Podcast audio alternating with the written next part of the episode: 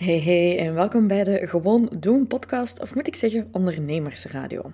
Als ondernemer is het leven niet altijd gemakkelijk en soms heb je gewoon net die extra boost, energie, motivatie en actie nodig. Dus dat heb ik gedaan aan de hand van de Gewoon Doen podcast. En hier zal je dus korte clips vinden van belangrijke dingen uit coachingsessies, interviews met coaches, andere ondernemers. Het is mijn doel hier dat je kunt gaan, ja, gewoon elke dag één stapje verder gaan, want het gaat niet over perfecte actie nemen of wachten op de juiste timing. Het gaat over elke dag gewoon te doen en één stapje dichter te nemen naar onze ideale toekomst.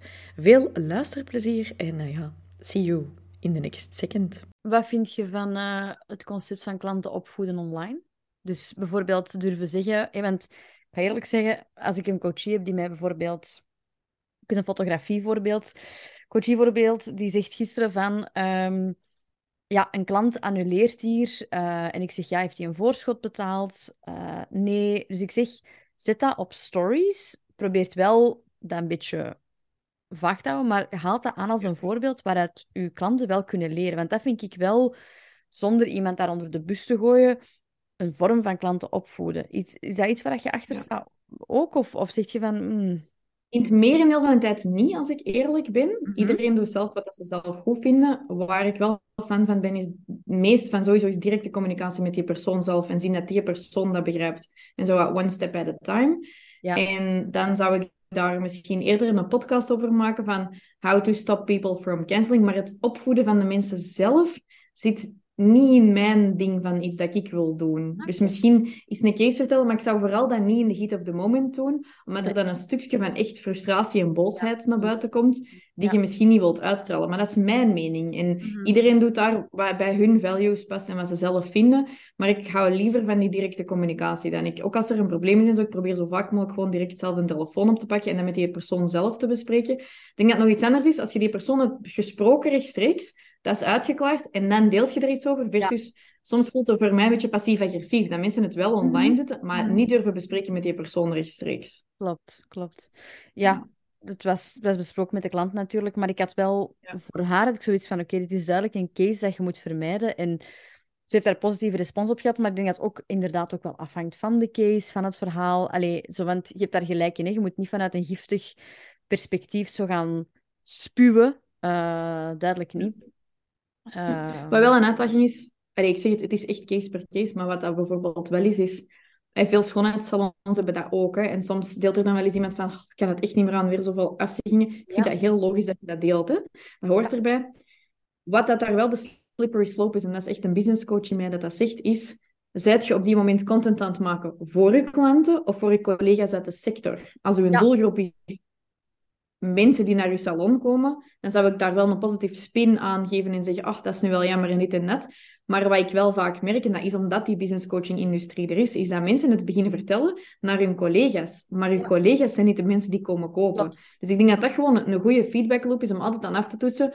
Ben ik dit aan het vertellen voor mijn collega's? Dat is meestal niet de goede zet, tenzij dat uw collega's ook uw klanten zijn. Ben ik dit aan het vertellen voor mijn klanten? Of am I so fucking sad dat ik eigenlijk naar mijn beste vriendin moet bellen of naar mijn partner. En is er even niemand niet voor mij dat ik me zo lonely voel dat ik het op mijn mhm. stories wil zetten. En dat is een situatie waar ik al heb ingezeten. Dat ik besefte van, er mist duidelijk wat connectie als ik mij meer veilig voel met het te delen online. En dat ik het gevoel heb dat ik daar mensen ga vinden die me gaan begrijpen. Dan, en dat ik het niet deel in mijn privéleven. Mm Ja. En dat is een hele grote bij heel veel mensen. Ik heb het echt zelf gehad, die momenten dat ik het online deelde. En ik heb daar dan een gesprek over gehad met mijn nicht. En die zei, ja, hoe denk je dat dat voor ons voelt? Dat jij deelt dat je super verdrietig bent online, maar niet aan ons vertelt. En dan hebben wij daar ook een gesprek over gehad. ik zei van, ik heb niet het gevoel dat die space er is. En dat zij zoiets had van, dit laat ons heel buitengesloten voelen. En dat heeft mij wel geholpen. Want daarna heb ik bijvoorbeeld aan al mijn vriendinnen verteld van kijk, deze zijn de struggles waar ik eigenlijk mee omga, maar ik weet soms niet hoe ik dat aan jullie moet vertellen. En dat heeft superveel goeds gecreëerd. En vandaar dat ik dus ook daarmee ben gestopt. Ik heb ook gemerkt dat de momenten dat ik iets heel moeilijk wil delen online, waar ik echt het hart van in ben, niet of omdat ik aandacht wil of zo, mhm. dan wil dat zeggen dat ik mezelf iets niet ben aan het geven. Mm. Zoals connectie met anderen of gezien worden. En dan moet ik dat even helder maken. Bijvoorbeeld dat mijn ouders zeggen van, je hebt mijn stories gezien en je denkt dat het goed met gaat, maar ik ben eigenlijk super sad. Please give me mhm. love and attention. Dus ik heb geleerd van dat wat meer te gaan pakken of zo, waar ik het moet hebben, in plaats van het op stories te delen.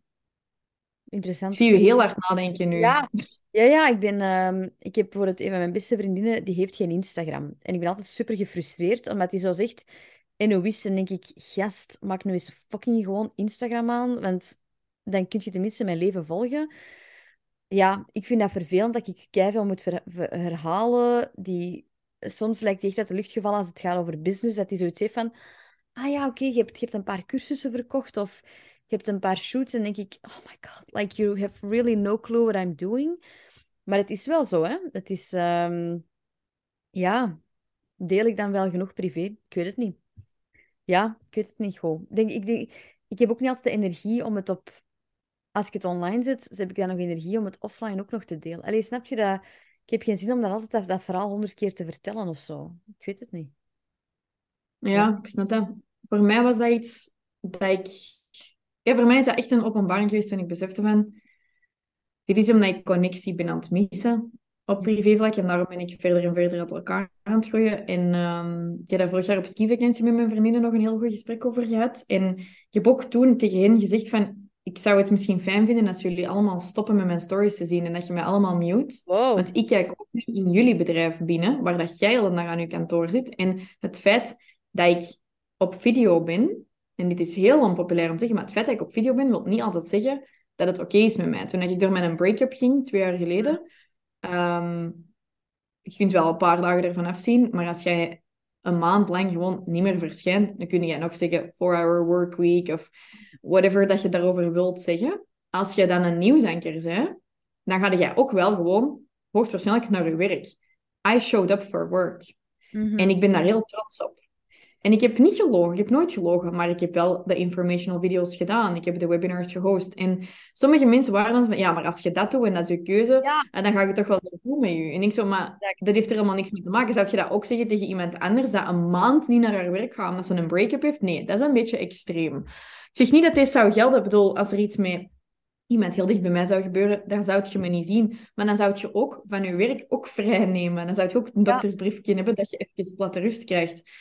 Um, waar we ook naartoe? Er is heel veel frustratie dat ik nu ben aan het uiten. Uh,